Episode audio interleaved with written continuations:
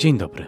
Przy mikrofonie Mateusz Ciupka, a to jest Szafa Melomana, pierwszy polski podcast o muzyce klasycznej. W szafie mieści się wiele rozmowy z artystami, organizatorami, badaczami, komentatorami życia muzycznego, odcinki solowe, nagrania live z udziałem słuchaczy, a nawet mini reportaże. Wspólnym mianownikiem dla tego wszystkiego jest muzyka, bo zajmuje się nią nie tylko z zamiłowania do sztuki dźwięku, ale także zawodowo. Pracuje w redakcji ruchu muzycznego, najstarszego polskiego magazynu o klasyce. Wszystkie odcinki podcastu znajdziecie na stronie szafamelomana.pl, na Spotify i innych popularnych platformach podcastowych. Jestem także na Facebooku i Instagramie. Wszędzie tam czekam na opinie, propozycje, komentarze. Można także śmiało korzystać z maila mateusz.ciupka małpa szafamelomana.pl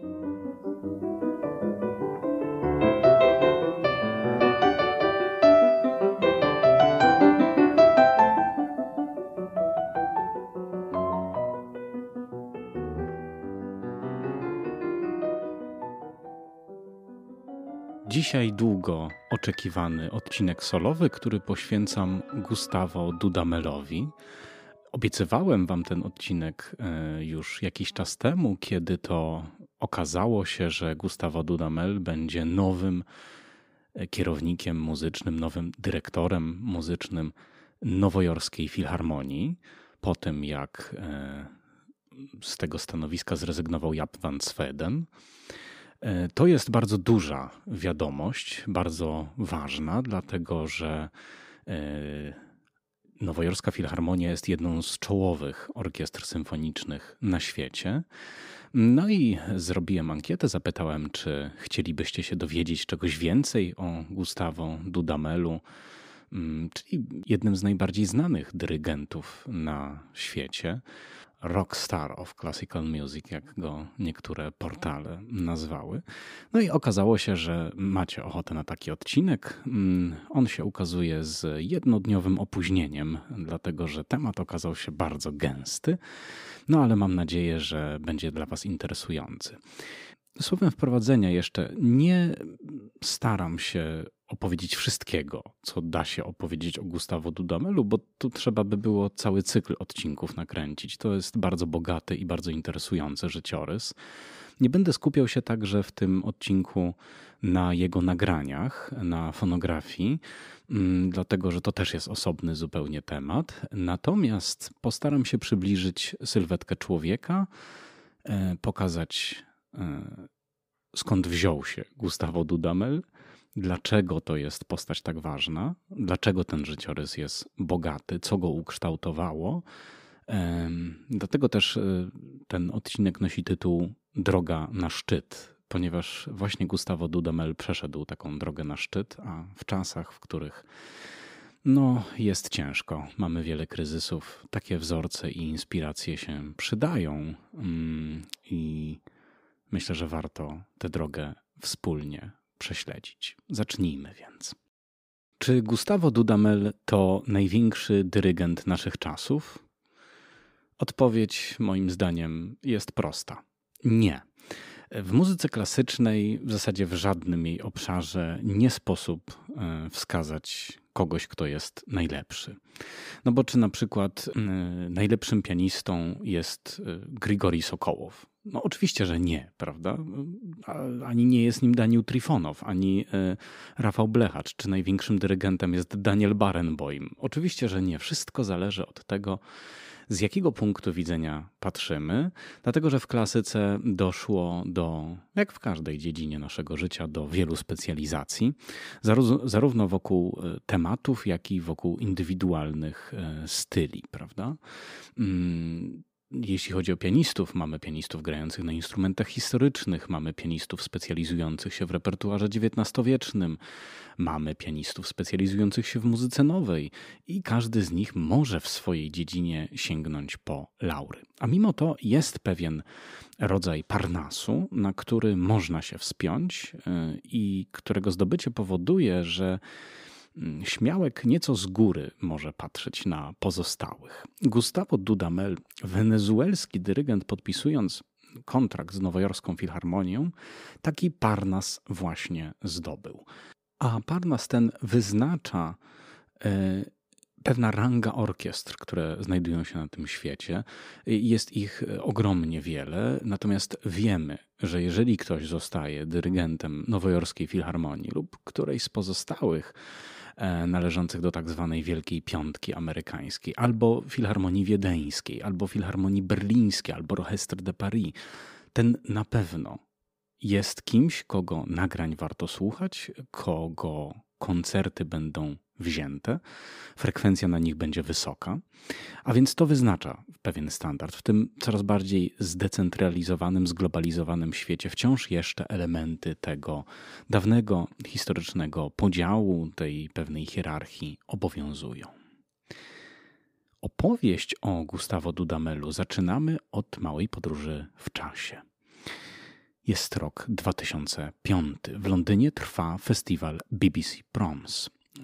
Na tym najbardziej demokratycznym festiwalu muzyki klasycznej, a zarazem jednym z najbardziej prestiżowych, debiutował 24-letni Gustavo Dudamel. Tylko dwóch mistrzów batuty debiutowało na promsach wcześniej. byli to Simon Rattle, i Daniel Harding, e, który zasłynął zresztą jako dyrygent pilot, ponieważ jak wiadomo dwa czy trzy lata temu zajął się także karierą w Air France jako pilot Airbusów. E, mieli oni wówczas jeden i drugi, Simon Rattle i Daniel Harding, po 21 lat. Dudamel był w 2005 roku na świecie, w Europie, bliżej nieznany. Mówiło się już owszem, że w Wenezueli pojawiła się taka wschodząca gwiazda dyrygentury, a świat y, zapewne niebawem o nim usłyszy, ale to było jeszcze dość daleko od sławy, którą ma obecnie. Jak to często y, na tym gwiazdorskim firmamencie się zdarza, y, to wskoczenie Gustavo Dudamela na BBC Proms było nagłym zastępstwem za Neve Jarwiego, który po prostu się rozchorował i nie mógł wystąpić. E, Dudamel miał poprowadzić e, wcześniej nieznany mu zespół, czyli orkiestrę symfoniczną z Göteborga, a w programie były Francesca Darimini Czajkowskiego, pieśni do Sufrikerta e, Gustawa Malera, tak, to ta, ten cykl, w którym znajduje się obłędnie piękna pieśń Ich bin der Welt abhanden gekommen, Mm, w tym cyklu zresztą śpiewać miała Anne-Sophie von Otter. No i na finał piąta symfonia Sibeliusa. Czy to się udało, to zastępstwo? Jak możecie się domyślić, absolutnie tak. Wszak rok później orkiestra z Göteborga zaproponowała mm, Gustavo Dudamelowi kierownictwo muzyczne. No i od tego czasu rozpoczęło się rozchwytywanie młodej gwiazdy. Gdy dwa lata później, w 2007 roku, powrócił on na londyńskie promsy, to już broń Boże nie po to, aby kogokolwiek zastąpić, ale aby pokazać światu swój muzyczny dom. Orkiestrę, którą prowadził od 1999 roku czyli Młodzieżową Orkiestrę Symfoniczną imienia Simona Bolivara z Wenezueli. Wówczas już powiedzmy, że w mniejszym stopniu będącą orkiestrą młodzieżową, e, z uwagi na odsetek osób dojrzałych w składzie, ale to był stosunkowo młody zespół, ponieważ założony no, 21 lat wcześniej. Ale była to orkiestra z pewnym e, dorobkiem, budząca zainteresowanie całego świata. I było to olśnienie. Jak mówi klasyk, ręce czerwieniały od oklasków. Utworem, który najmocniej z tamtego wieczora zapadł w pamięć, był Danzon numer drugi Arturo Marqueza. Jego najbardziej rozpoznawalna kompozycja oparta na kubańskiej habanerze. Przenieśmy się zatem do Royal Albert Hall. Jest gorący wieczór 19 sierpnia 2007 roku. Gorący nie tylko w sensie pogody.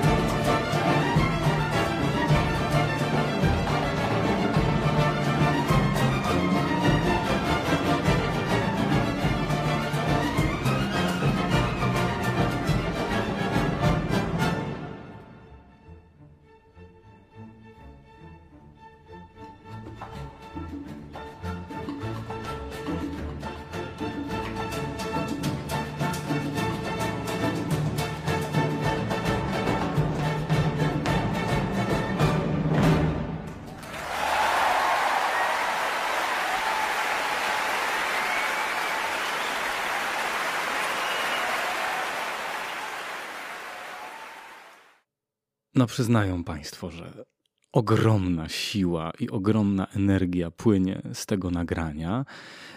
Ten e, utwór pojawił się już w drugiej części e, koncertu, ale w pierwszej E, na samym początku zaczęło się bardzo, bardzo poważnie.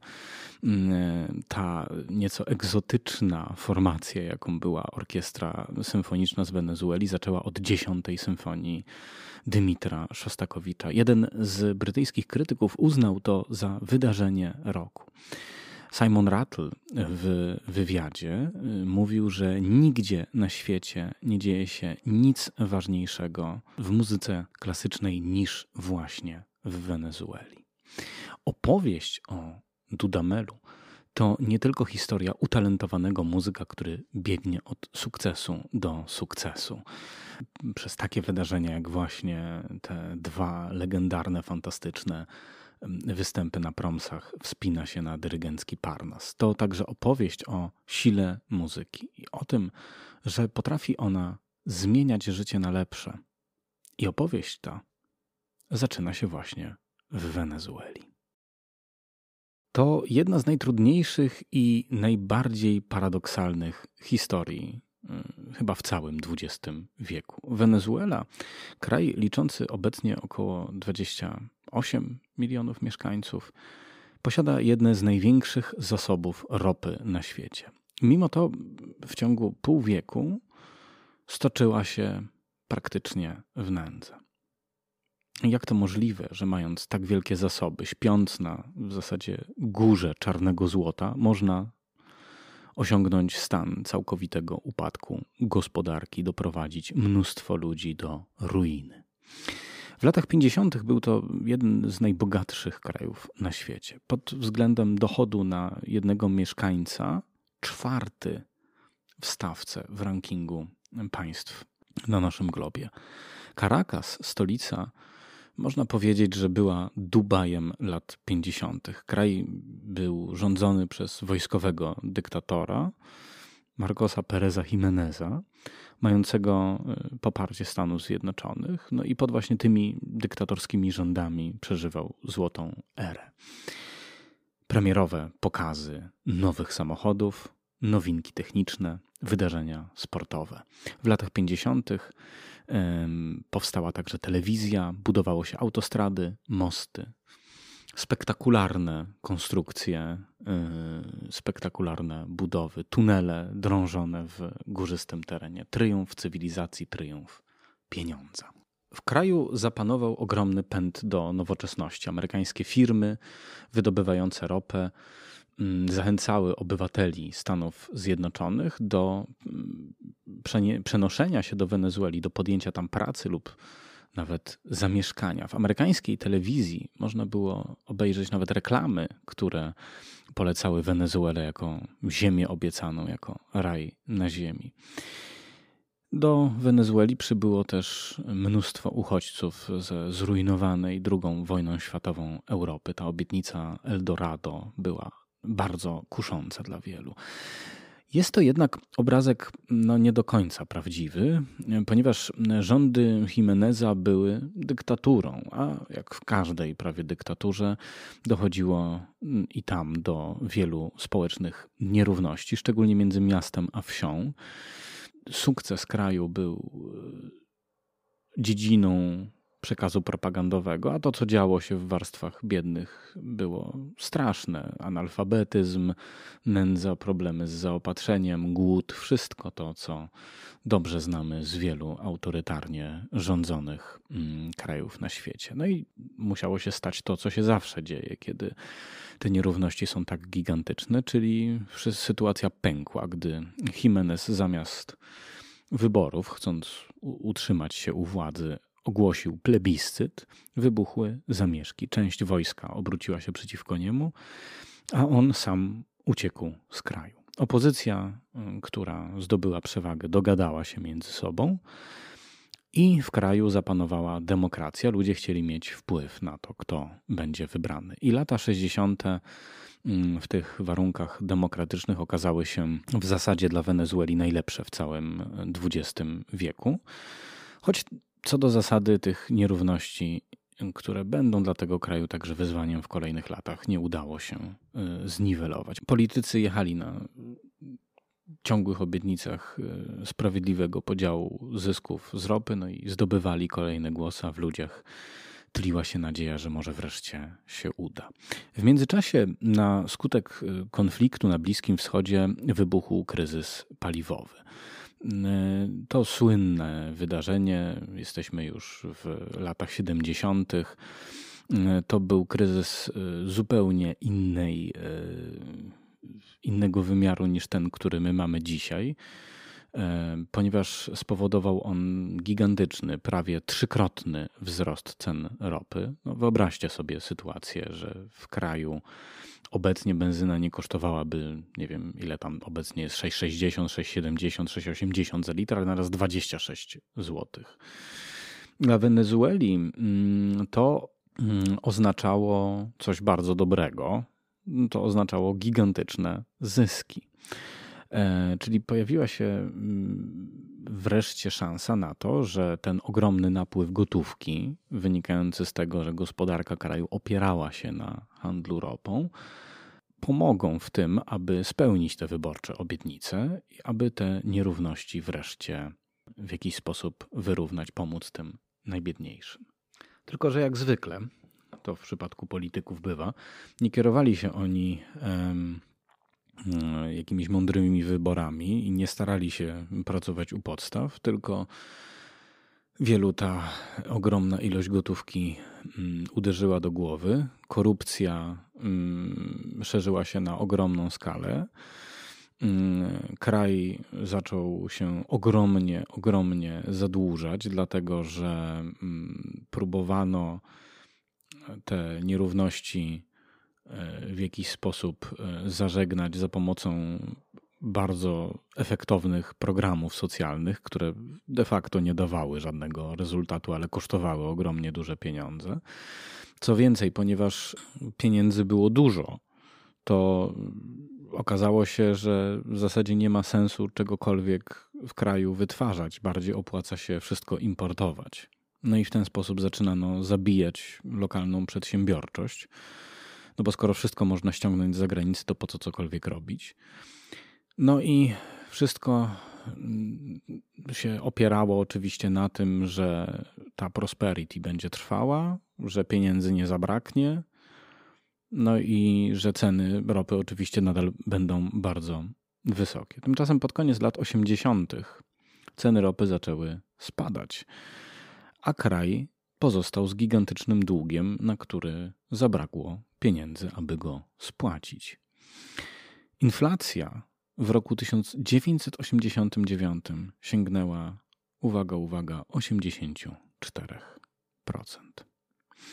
Początkiem lat 80., dokładnie w roku 1981, urodził się właśnie Gustavo Dudamel. Czyli przyszedł na świat wtedy, gdy kryzys pukał do drzwi, e, gdy on się zaczynał.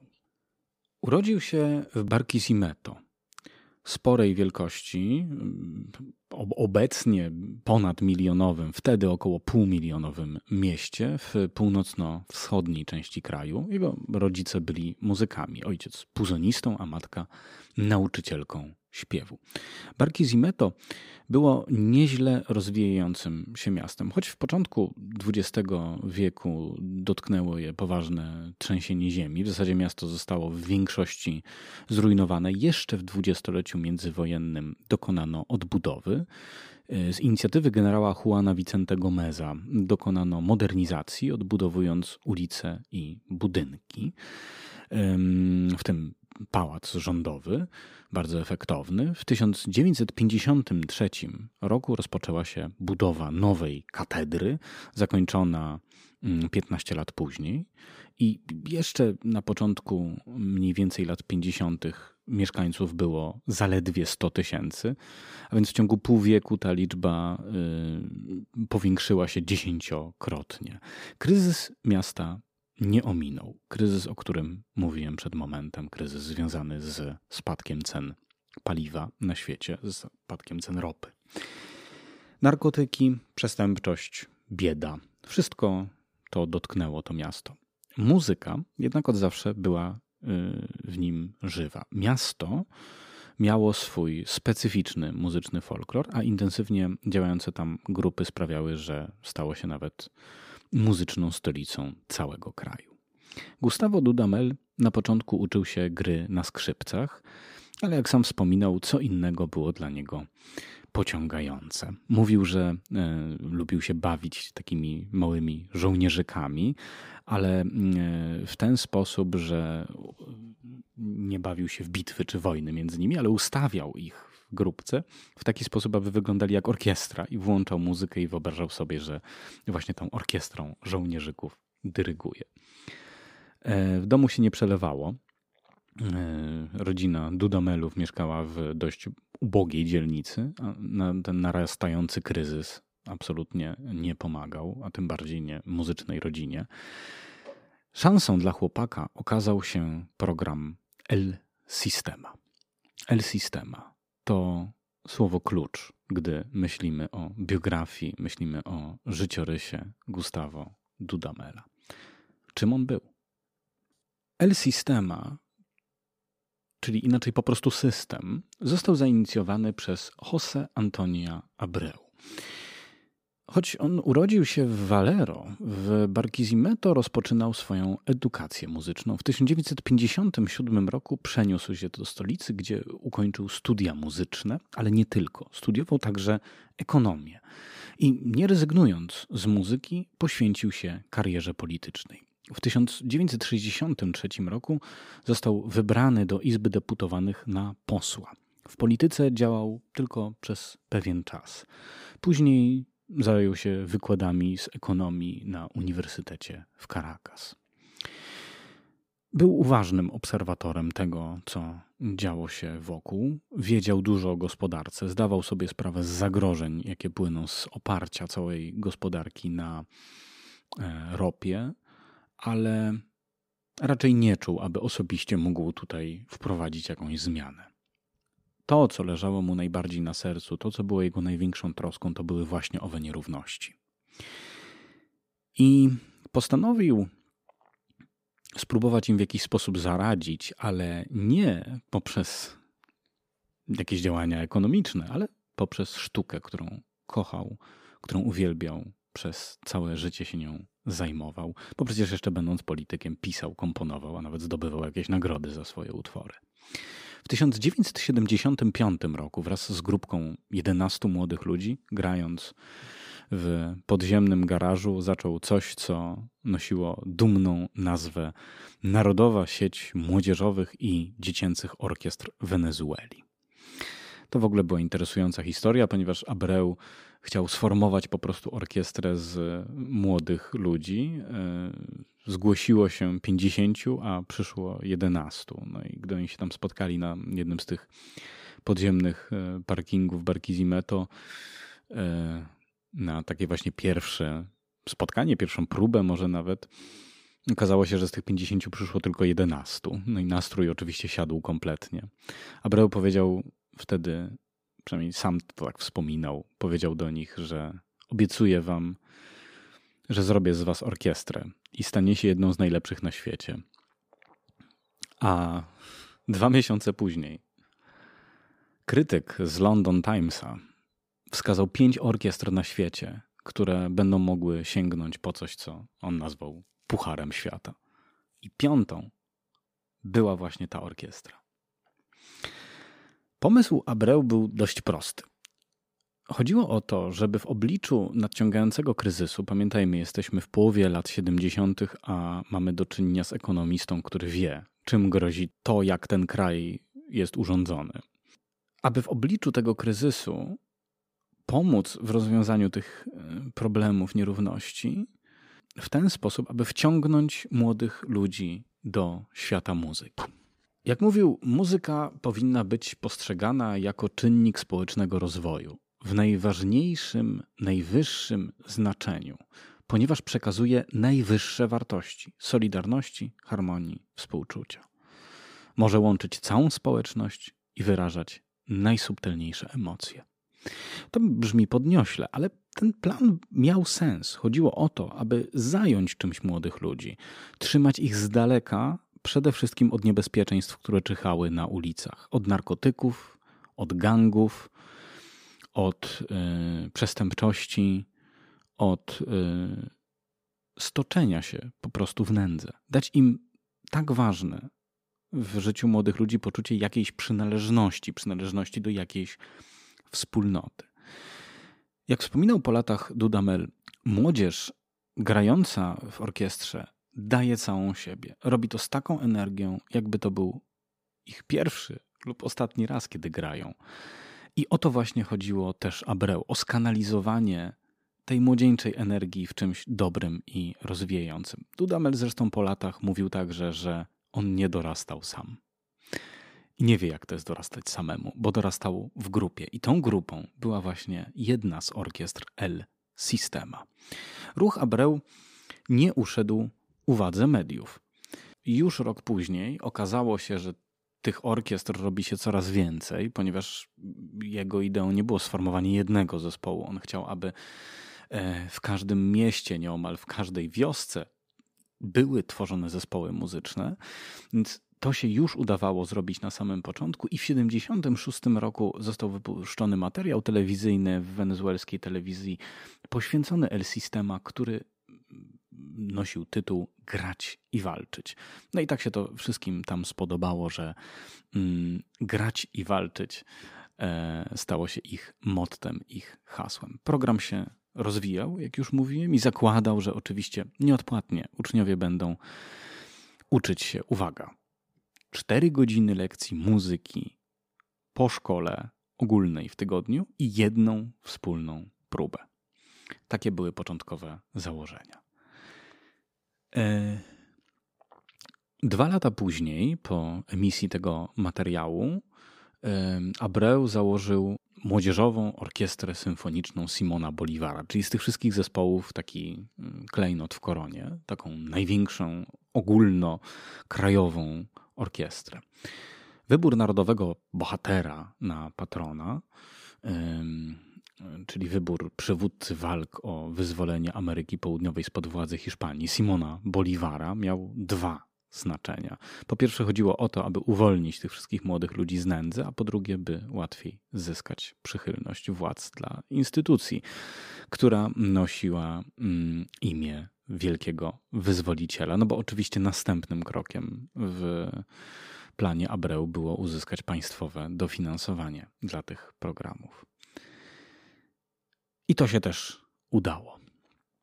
Tylko do roku 2015 El Sistema swoim zasięgiem objęła 400 ośrodków muzycznych i 700 tysięcy młodych ludzi przez ten system przeszło.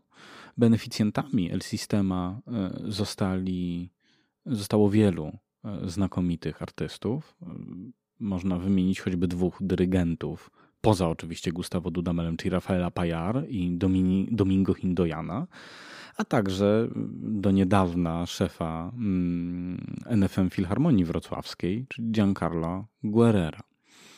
Ale też szereg znakomitych instrumentalistów zasilających czołowe orkiestry świata. No i oczywiście naturalnie Gustavo Dudamel. Początkowo do mm, jednej z orkiestr El Sistema w Barquisimeto trafił on właśnie jako skrzypek. Jako dwunastolatek dobrze wykorzystał swoją szansę. Wspominał, byłem na próbie, ale dyrygent zachorował i nie dotarł. Pozostało wolne miejsce za pulpitem, a więc wskoczyłem za niego. W ogóle się tego nie uczyłem, ale pomyślałem, jakoś sobie muszę dać radę. I na początku było z tego dużo śmiechu, bo w orkiestrze grali moi przyjaciele, ale po paru minutach wszyscy się uspokoili, bo jednak trzeba było pracować. I było to piękne. Dyrygent, gdy zobaczył rezultat, powiedział mi: Dobra, ty poprowadzisz koncert. Po pięciu miesiącach zostałem asystentem dyrygenta w Barquisimeto, a rok później założyłem własną orkiestrę kameralną. I takie były początki Gustavo Dudamela w dyrygenturze. Był głodny wiedzy. Chciał próbować nowych rzeczy. Miał ogromne, ogromne ambicje. Jako piętnastolatek po raz pierwszy stanął za pulpitem dużego zespołu i była to właśnie orkiestra Simona Bolivara.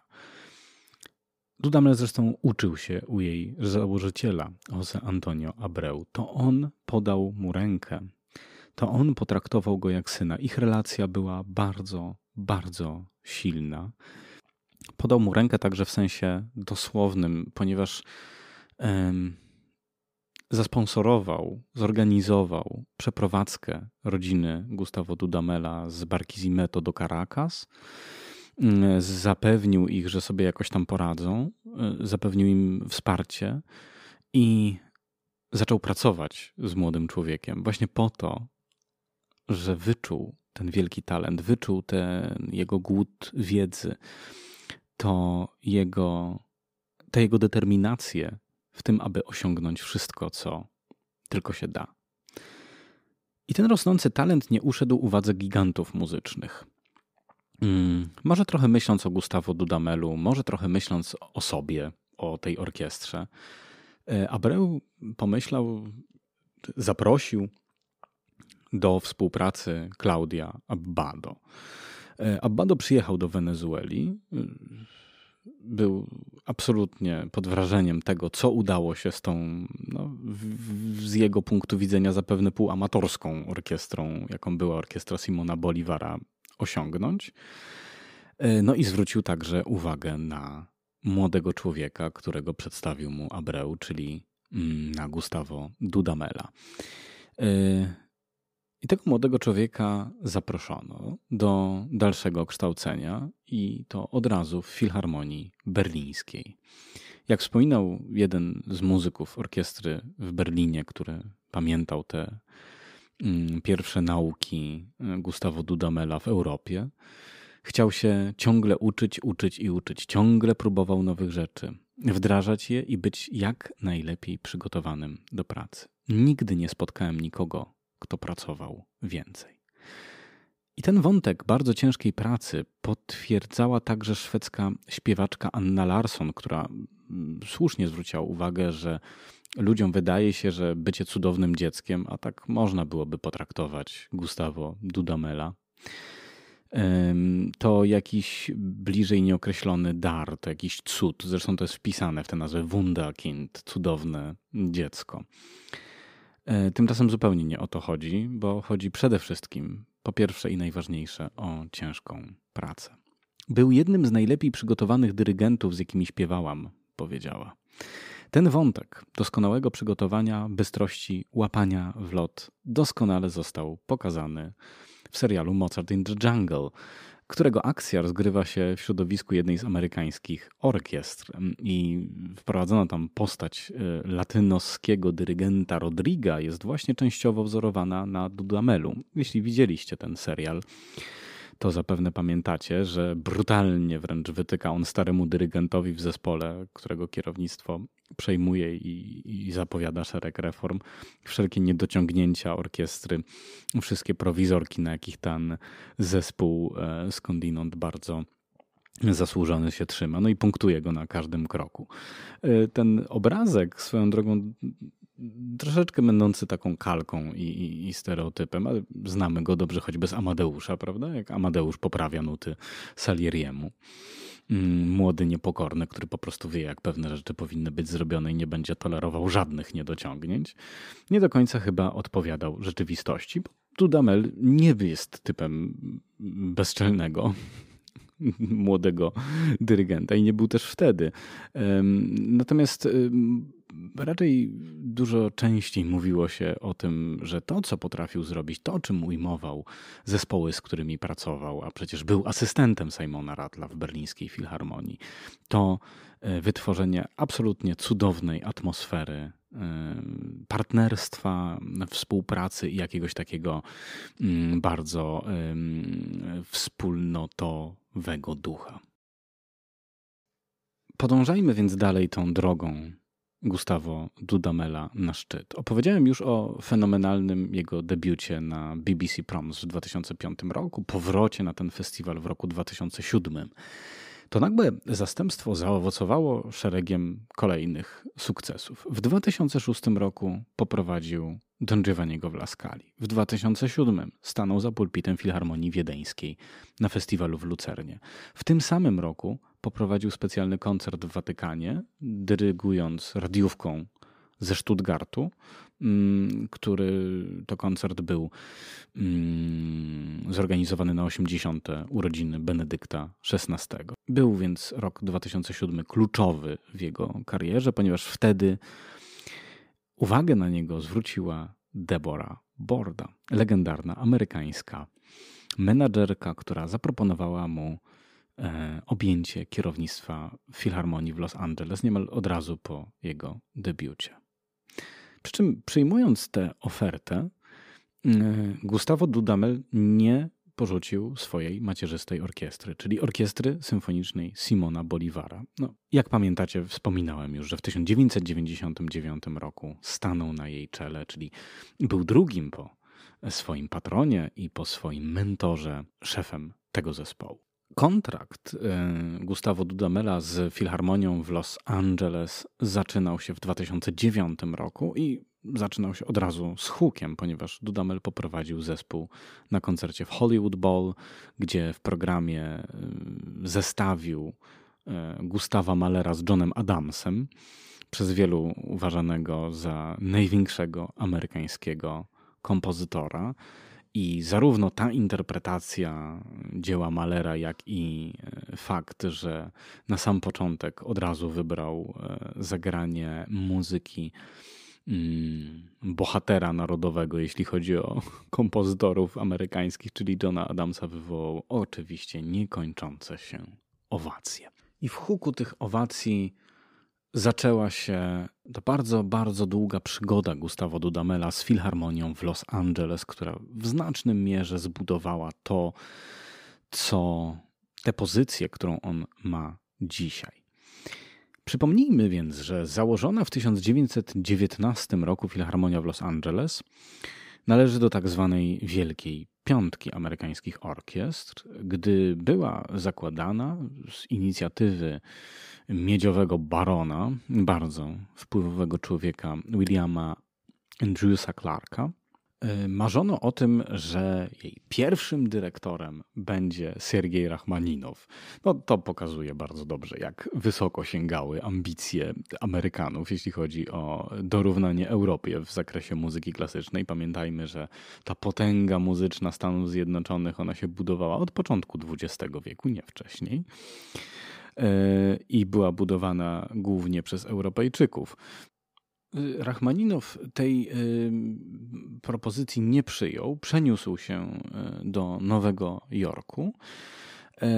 Natomiast pierwszym takim dyrygentem, który podniósł znacząco rangę Filharmonii z Los Angeles, był Polak, Artur Rodziński, o którym przecież zrobiliśmy z Oskarem Łapetą rozmowę. Bardzo y, serdecznie Was do tego odcinka zachęcam. On też y, więcej Wam rozjaśni na temat tego, jak się budowała potęga amerykańskich orkiestr. Sporo tam właśnie o tym opowiadamy.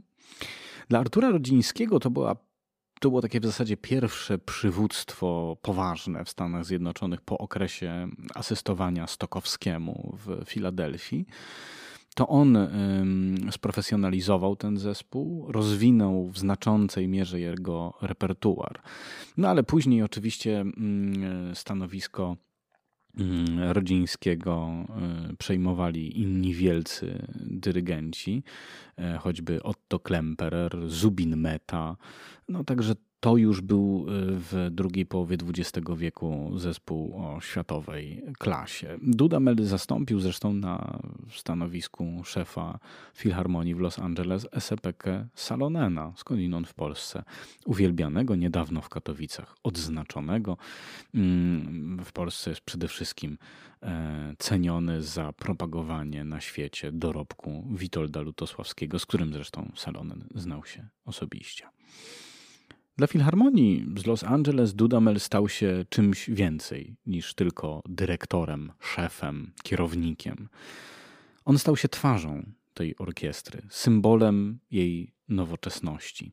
Wspierał środowisko latynoskie w mieście, stworzył młodzieżową orkiestrę, w której orkiestrę, tak zwaną JOLE, czyli Youth Orchestra Los Angeles, czyli zespół, który w znacznym stopniu bazował na tych założeniach L-Systema, czyli te właśnie założenia o tym, aby wyciągać młodzież, młodych ludzi z mm, czasem trudnych środowisk i właśnie zaciekawiać ich i wciągać ich w świat e, muzyczny. Ta zresztą orkiestra dzięki wpływom i dzięki staraniom Dudamela y, stała się y, jednym z najbardziej lubianych, uwielbianych zespołów y, w Stanach Zjednoczonych, gromadząca prawie zawsze komplet publiczności na swoich występach. Stał się Gustavo Dudamel, jak pisał New York Times, celebrytą w mieście, które celebrytów kocha.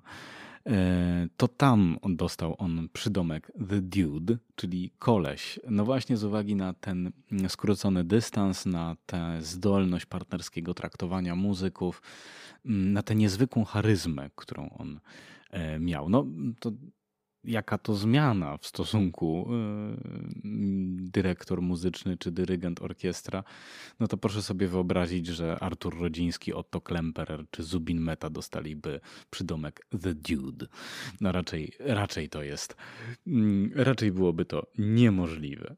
Sposób zarządzania Dudamela sprawił, że znacząco y, powiększyły się zyski zespołu. Ogromne, y, licznie uczęszczane koncerty zapewniały środki finansowe, które pozwoliły na sfinansowanie eksperymentów programowych, a w szczególności zamawiania utworów współczesnych twórców. E, Gustavo Dudamel mm, przez cały czas swojego e, dyrektorowania w Los Angeles, które przecież jeszcze trwa, ponieważ on w 2026 roku dopiero przejmie stery w Nowym Jorku, dokonał prawykonania prawie 200 utworów muzycznych. To jest bardzo dobry wynik jak na kraj, który mm, musi w przypadku każdego koncertu i każdej orkiestry, którą ma, liczyć pieniądze, ponieważ nie ma żadnego państwowego dofinansowania. Zawsze o tym przypominam.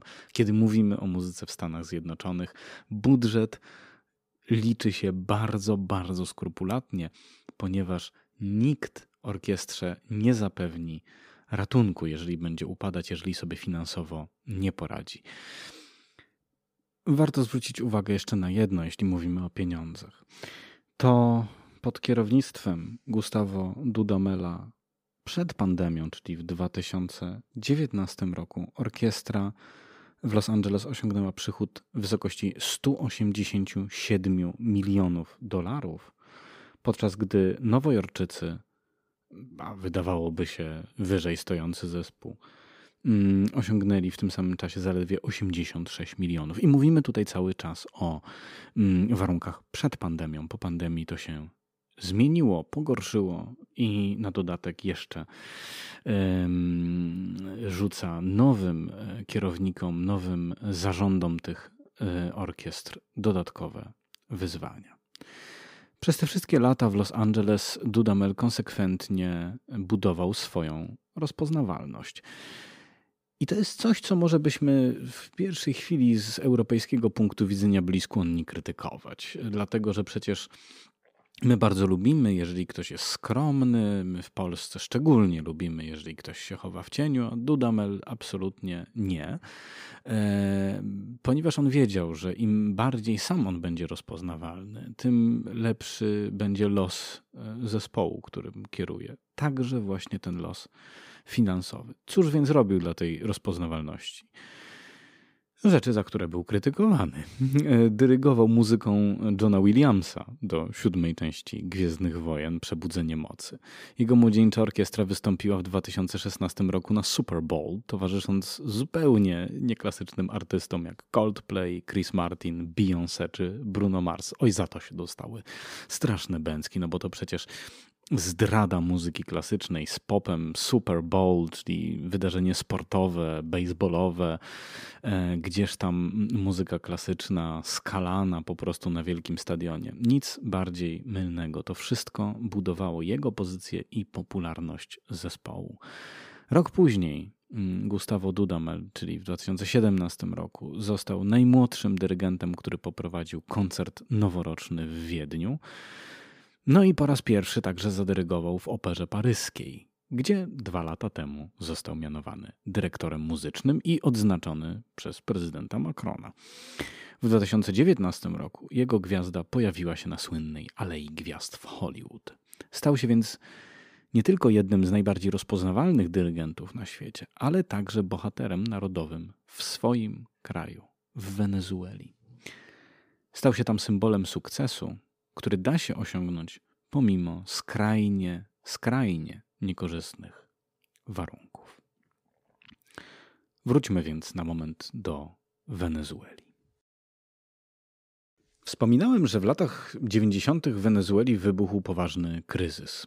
Kłopoty z obsługą długu doprowadziły do ogromnych niedoborów. I to takich, że w sklepie trudno było dostać cokolwiek. Ustawiały się ogromne kolejki, które my dobrze znamy z lat PRL-u. Zaczęły się zamieszki uliczne, były ofiary. No i choć władza ten bunt stłumiła, to jak się okazało tylko na pewien czas. W 1992 roku z tego chaosu wyłonił się jeden z wojskowych, Hugo Chavez, który stanął na czele grupy próbującej dokonać zamachu stanu. To się w pierwszej chwili nie udało i Chavez trafił do więzienia. Gdy następny prezydent Wenezueli z tego więzienia go wypuścił, zresztą ponieważ Chavez stał się bohaterem narodowym, to obietnica wypuszczenia go z więzienia była chyba jednym z powodów, dla których mm, ów polityk e, władzę zdobył. To już było pewne, że droga Chaveza do władzy jest otwarta. On zresztą e, w sposób bardzo mm, ostry, jak to miał w zwyczaju, mówił, że znokautuje zgniłą strukturę systemu. E, tak obiecywał i w 1998 roku przejął władzę. Na początku dla Wenezuelczyków wydawało się to zmianą idealną, ponieważ pierwszy raz od bardzo, bardzo długiego czasu stanął na czele państwa ktoś, kto miał tak silne i tak dobre relacje z ludźmi. E, tak dobrze wydawałoby się rozumiał tych, którzy są biedni, i tak bardzo zależało mu e, na tym, aby im pomóc. A zatem prawdziwy ideowiec na czele państwa. Chavez zresztą umiejętnie wykorzystywał media, aby taki właśnie obraz samego siebie budować. Tworzył e, radio, telewizję, która docierała do mnóstwa ludzi. Chwalił się tym, że najchętniej oglądanym w telewizji programem w Wenezueli jest y, program z nim w roli głównej, a on właśnie takie bardzo długie show jednoosobowe w tej telewizji robił. Zresztą był szalenie elokwentny i miał y, taki talent do mówienia długo i interesująco. I był, jak już mówiliśmy, szalenie charyzmatyczny. Jednak to wszystko wydawało się dość to wszystko jednak było dość fasadowe. Sytuacja wcale się w kraju nie uspokoiła. I e, szereg obietnic, które Chavez e, składał, wcale się e, spełnić nie udało. I dochodzi do kolejnych zamieszek, w trakcie których ludzie Chaveza strzelają do demonstrantów.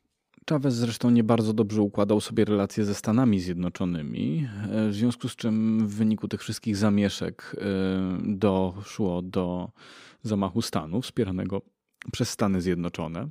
Armia jednak koniec końców opowiedziała się po stronie Chaveza i wrócił on do władzy. Socjalistyczna rewolucja się rozkręcała. Chavez e, po tym incydencie ze Stanami Zjednoczonymi już otwarcie się opowiedział przeciwko e, nim. W, podczas swojej przemowy w ONZ nazwał George'a Busha diabłem. Mówił, że jeszcze zapach siarki unosi się tutaj, gdy wszedł na mównicę po nim. Chavez y, teoretycznie w tym wszystkim staje wciąż po stronie ludu, korzystając z no, jak to właśnie się wahały ciągle te ceny ropy. Tym razem była górka, więc korzystając z górki, z wysokich cen ropy, wspierał podobnych rewolucjonistów mu w innych e, krajach, zyskał poparcie Fidela Castro, od zawsze antyamerykańskiego. Mm, Fidel Castro powiedział zresztą o nim, że jest przywódcą, który nigdy nie ugina się przed imperializmem. Szasta pieniędzmi na prawo i lewo, rozmaite działania fasadowe, rozmaite programy społeczne, które no to znamy z poprzednich lat w Wenezueli, które mają zdziałać cuda, a jakoś nie, e, nie przynoszą żadnego rezultatu. No i poziom życia zwykłych Wenezuelczyków jakoś szczególnie się nie podwyższa. W kraju rośnie przestępczość, kwitnie korupcja. Wielu krytyków Chaveza z kolei ląduje w więzieniach, a więc znowu staczamy się w stronę autorytaryzmu. No i mimo to przez cały czas Chavez wygrywa wybory, które, i to musimy zaznaczyć, mimo rozmaitych rozpraw z opozycjonistami i tak dalej, były przeprowadzane w demokratyczny sposób, bez e, fałszerstw i poważnych nieprawidłowości. Nie pokonała Chaveza przez te długie, długie lata jego rządów ani opozycja, ani przewrót, e, żaden. Natomiast to, co go powaliło, to nowotwór. Mm. Chavez, który absolutnie nie chciał korzystać z zachodniej opieki medycznej, zawierzył Kubańczykom i to był jego błąd, choć Kuba słynie z bardzo dobrych medyków, to tym razem się pomylili. Złe diagnozy sprawiły, że mm, Stan jego zdrowia zaczął się ciągle, ciągle pogarszać. Z tego nowotworu już nie wyszedł i zmarł w 2013 roku. Był późny wieczór. Po 22 umilkły ostatnie oklaski w sali koncertowej Walta Disneya. Gustavo Dudamel poprowadził wówczas wykonanie pasji Johna Adamsa. Nie było czasu na y, świętowanie, na otwieranie szampana, ani też na odpoczynek. Dudamel wsiadł do samolotu i poleciał do Caracas, by już na drugi dzień poprowadzić orkiestrę symfoniczną Simona Bolivara na pogrzebie Hugo Chaveza. Czemu się na to zgodził? Czyżby w duchu popierał zmarłego prezydenta? Tego zasadniczo nie wiemy i pewnie nigdy się nie dowiemy. Gustavo Dudamel, choć z Wenezuelą związany bardzo ściśle, Nigdy publicznie na temat Chaveza się nie wypowiadał. Kierownictwo nad El Sistema przejął z rąk Abreu i jego celem było to, aby przez wszystkie te kryzysy, przez które Wenezuela przechodziła, ten system, ten skarb jakoś się utrzymał. Idea Abreu była zawsze apolityczna.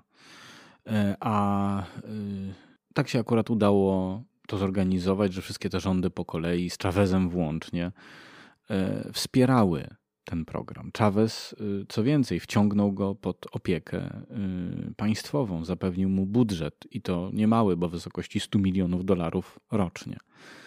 A więc Dudamel nie zabierał głosu, aby nie zaszkodzić systemowi.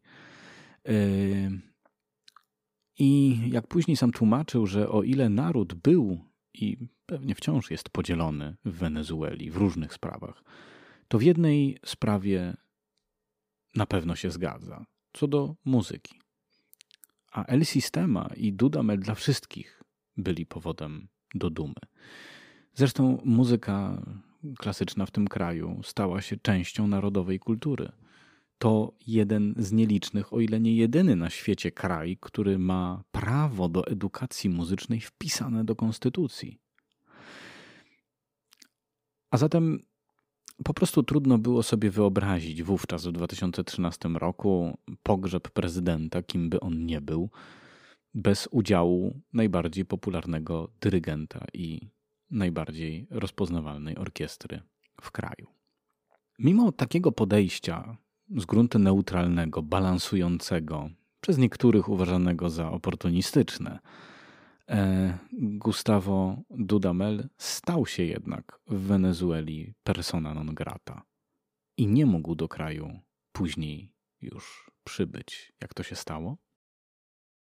W ostatnim swoim wystąpieniu telewizyjnym Chavez wskazał swojego następcę, czyli Nicolasa Maduro. Oczywiście nie oznaczało to automatycznego przekazania władzy. Maduro musiał wygrać wybory. Swoją kampanię zresztą konsekwentnie budował na legendzie Chaveza. W drugiej turze zwyciężył i w 2013 roku objął fotel prezydencki. Jednym z najważniejszych wyzwań, przed którymi stanął, było opanowanie rosnącej w kraju przestępczości, korupcji i ogromnej inflacji. Ponieważ W żaden sposób nie udało mu się tego dokonać. Y, już rok później, w lutym 2014 roku, wybuchły antyrządowe zamieszki. Społeczne niezadowolenie e, wywołało to, co było powodem i wcześniejszych problemów, czyli oczywiście kłopoty z cenami ropy. To właśnie one windują inflację do koszmarnie wysokiego poziomu, powodują, że z inflacji robi się hiperinflacja. W wyniku zamieszek, które oczywiście wybuchają w tych warunkach, e, giną 42 osoby, 800 zostaje rannych, 3000 aresztowanych. E, a władza e, posługuje się brudnymi metodami, ponieważ nie chcąc strzelać do mm, protestujących, używać po prostu broni przeciwko nim, wynajmuje jakieś podejrzane grupy mm, bandytów, którzy rozganiają demonstrantów, zabijają, kradną itd. Tak itd. To oczywiście wszystko budzi ogromny niepokój i protesty opinii międzynarodowej. W 2015 roku odbywają się wybory parlamentarne, no i to niezadowolenie powoduje, że przy ogromnej, ponad 70% frekwencji wygrywa opozycja, która uzyskuje większość konstytucyjną, co pozwalałoby wpływać na różne sposoby na Nicolasa Maduro, na prezydenta, a nawet prawdopodobnie usunąć go ze stanowiska. Maduro nie miał zamiaru ze stanowiskiem się żegnać i nie miał zamiaru takiej bomby zegarowej y, trzymać w administracji, e, w ustroju swojego państwa, tak swojego, uważał je za swoje. W związku z czym, wykorzystując podległy mu Sąd Najwyższy, sprawił, że ten wybór trzech kandydatów opozycji uznał za nieważny, rzekomo mieli kupić swoje głosy.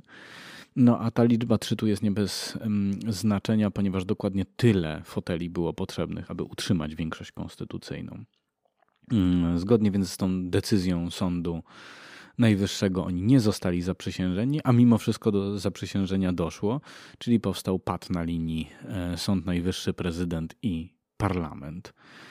E, rozpoczęła się prawnicza awantura, która mm, właśnie nie przyniosła żadnego sensownego rezultatu. Opozycja wpadła wówczas na pomysł, aby mm, ten kryzys ustrojowy rozwiązać w ten sposób, że przeprowadzone zostanie referendum za odwołaniem Maduro. Skomplikowana ta procedura też nie przyniosła żadnego rezultatu, ponieważ w ostatniej chwili Sąd Najwyższy, znowu podlegający pod Maduro, nakazał zaprzestanie zbierania podpisów i do tego wszystkiego nie dochodzi. E, a prezydent przeszedł w tej sytuacji do kontrofensywy. W 2017 roku, e, znowu posługując się Sądem Najwyższym, zawiesił działanie parlamentu i przejął jego kompetencje. Była to tak bezczelna próba yy, obalenia w zasadzie ustroju demokratycznego w Wenezueli i sparaliżowania opozycji całkowicie już, że wywołała gigantyczne, gigantyczne zamieszki. Mm, największe od 2014 roku protesty uliczne. Znowu giną ludzie, znowu w kraju panuje nędza. I właśnie w tej chwili, po raz pierwszy w całym swoim życiu, Gustavo Dudamel przerywa milczenie. Dotąd całkowicie apolityczny dyrygent postanawia zabrać głos. Wydarzeniem, które zmieniło jego sposób myślenia, była śmierć 17-letniego altowiolisty z El Sistema, który zginął podczas właśnie tych zamieszek na ulicach Caracas. Dyrygent wydał oświadczenie, które zatytuł, zatytułował I Raise My Voice, w którym wezwał prezydenta Maduro, by zaczął słuchać ludzi, by zahamował rozlew krwi na ulicach, nawoływał do zjednoczenia i obrony dziedzictwa kulturowego, bo przecież właśnie Wenezuela to jeden, jedyny na świecie kraj, w którym prawo do edukacji muzycznej wpisane jest do konstytucji. Zwracał uwagę też na siłę El Sistema. Przecież mimo, że na ulicach panował chaos, że przypominały one strefę wojny, na przesłuchania w samym środku tych wszystkich protestów do L-Systema zgłosiło się ponad tysiąc młodych osób. No ale oczywiście apel niczego nie zmienił. Jedyne co spowodował to to, że Gustavo Dudamel, który w zasadzie to oświadczenie wydał pod bardzo, bardzo dużą presją opinii publicznej. Opinia publiczna przerażona tym, co Maduro wyprawiał, przerażona tymi ofiarami, tymi straszliwymi obrazkami z mm, Wenezueli, które przypomnijmy, to jest rok 2017. One oblatują już cały świat, internet. Wszyscy to widzą, wszyscy widzą nagrania, mm, wszyscy wiedzą, co tam się dzieje. Mm, ta opinia wywierała ogromną presję na Dudamela, aby, aby coś powiedział. No więc powiedział. Natomiast to nic nie przyniosło poza tym, że Gustavo Dudamel w Wenezueli stał się persona non grata i dostał zakaz przybywania do kraju. I odtąd w zasadzie zaczęło się prowadzenie orkiestry Simona Bolivara, czyli zespołu, na czele którego cały czas Gustavo Dudamel stał, i El Sistema, którym kierował, zdalnie ponieważ nie mógł po prostu do kraju wjechać. Maduro i tak swoje zrobił.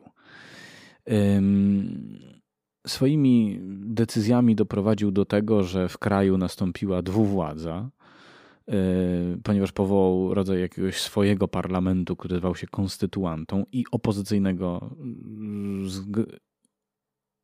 konstytuantą i ta konstytuanta stała się jakby drugim parlamentem w stosunku do opozycyjnego Zgromadzenia Narodowego. Konstytuantę poparły Rosja i Chiny, Zgromadzenie Narodowe Stany Zjednoczone i generalnie świat zachodni. No i Stany Zjednoczone wprowadziły szereg sankcji. Te sankcje zgruchotały całkowicie mm, gospodarkę mm, Wenezueli, doprowadzając do sytuacji, że w Wenezueli wydobywało się mniej ropy niż w sąsiedniej Kolumbii, mimo że w Kolumbii zasoby to jest zaledwie ułamek e, tego, co zasoby tego surowca to jest zaledwie ułamek tego, co znajduje się w Wenezueli. Duch w narodzie całkowicie upadł. Kolejnego zrywu nie było, za to zaczęła się ogromna, ogromna emigracja. Kilka milionów ludzi za czasów rządów Nicolasa Maduro opuściło Wenezuelę. O dalszych problemach politycznych Wenezueli y, mówić y, nie będę, bo to w końcu podcast muzyczny, a nie geopolityczny. Mam też poczucie oczywiście, że mówię to wszystko z pewną ostrożnością i nie gniewajcie się, jeżeli coś e, pomylę, bo w końcu nie od tego tematu jestem specjalistą. Natomiast ta specyficzna stagnacja, która zapanowała w kraju, e, dopiero przełamała się w 2022 roku czyli w roku, w którym rozpoczęła się inwazja Rosji na Ukrainę.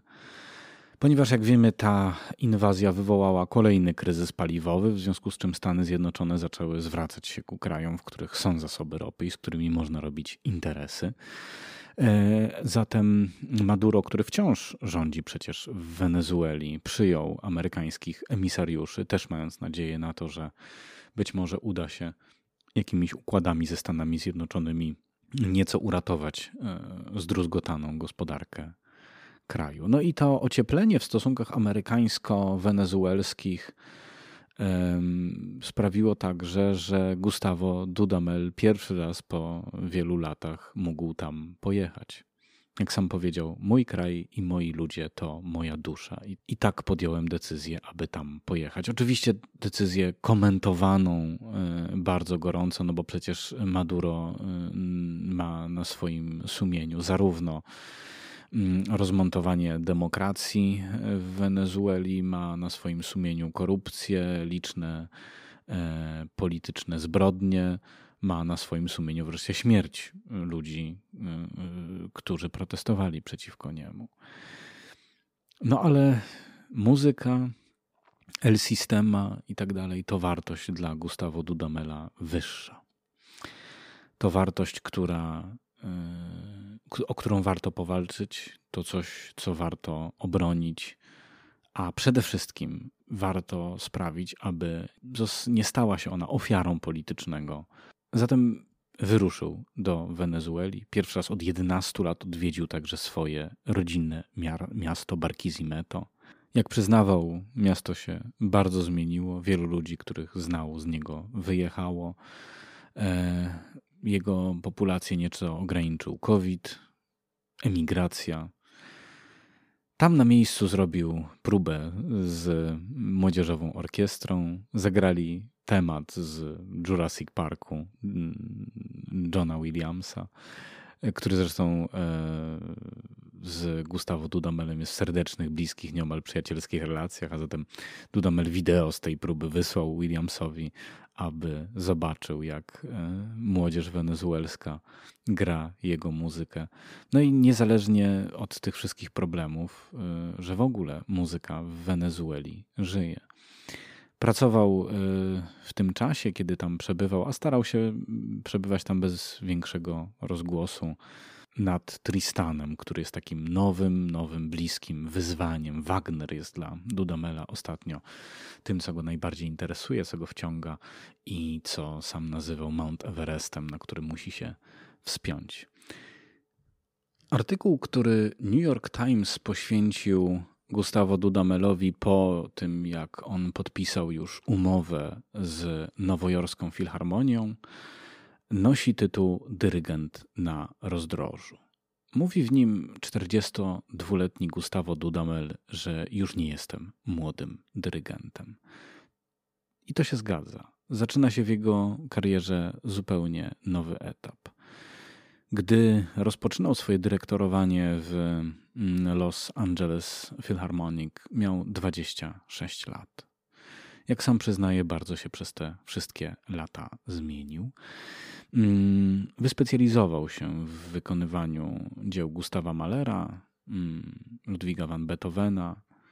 E, jedną z jego specjalności był repertuar mm, muzyki klasycznej z Ameryki Południowej, wcale nie tak dobrze w Europie znanej, ale także prewykonania muzyki współczesnej. W Nowym Jorku e, rękę podała mu po raz kolejny Deborah Borda, bo to przecież ona wciągnęła go do Los Angeles Philharmonic. Ma on być lekiem na całe zło dla nowojorskiej filharmonii, która zmaga się z konsekwencjami pandemii, ze spadkiem zainteresowania muzyką klasyczną, z rosnącą średnią wieku e, publiczności tej zasłużonej orkiestry. Czy nią będzie? Przyszłość pokaże. Z nowojorską filharmonią Gustavo Dudamel debiutował w 2007 roku. Wówczas to stając za pulpitem i prowadząc piątą symfonię Prokofiewa, złamał batutę należącą do Leonarda Bernsteina, legendarnego szefa tego e, zespołu. Do dzisiaj w Muzeum e, Nowojorskiej Filharmonii, w zbiorach Nowojorskiej Filharmonii ta batuta złamana się znajduje.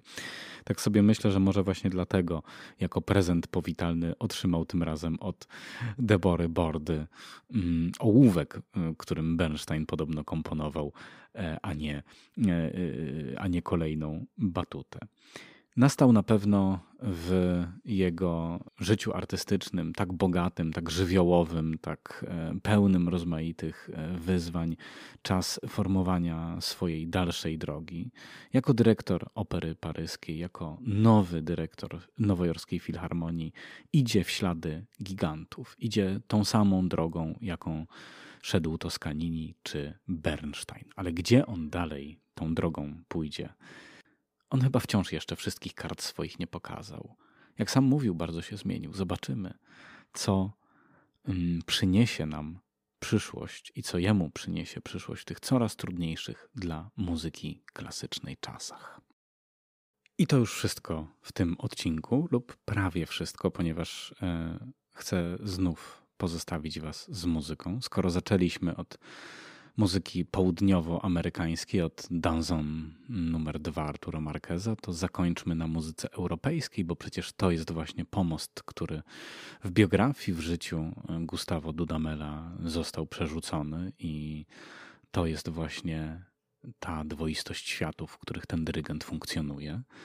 A zatem Święto Wiosny Strawińskiego, fragment części e, pierwszej, gra Oczywiście Filharmonia y, z Los Angeles za pulpitem Gustavo Dudamel, rok 2019. Posłuchajmy, jak brzmi Święto Wiosny Strawińskiego pod jego batutą.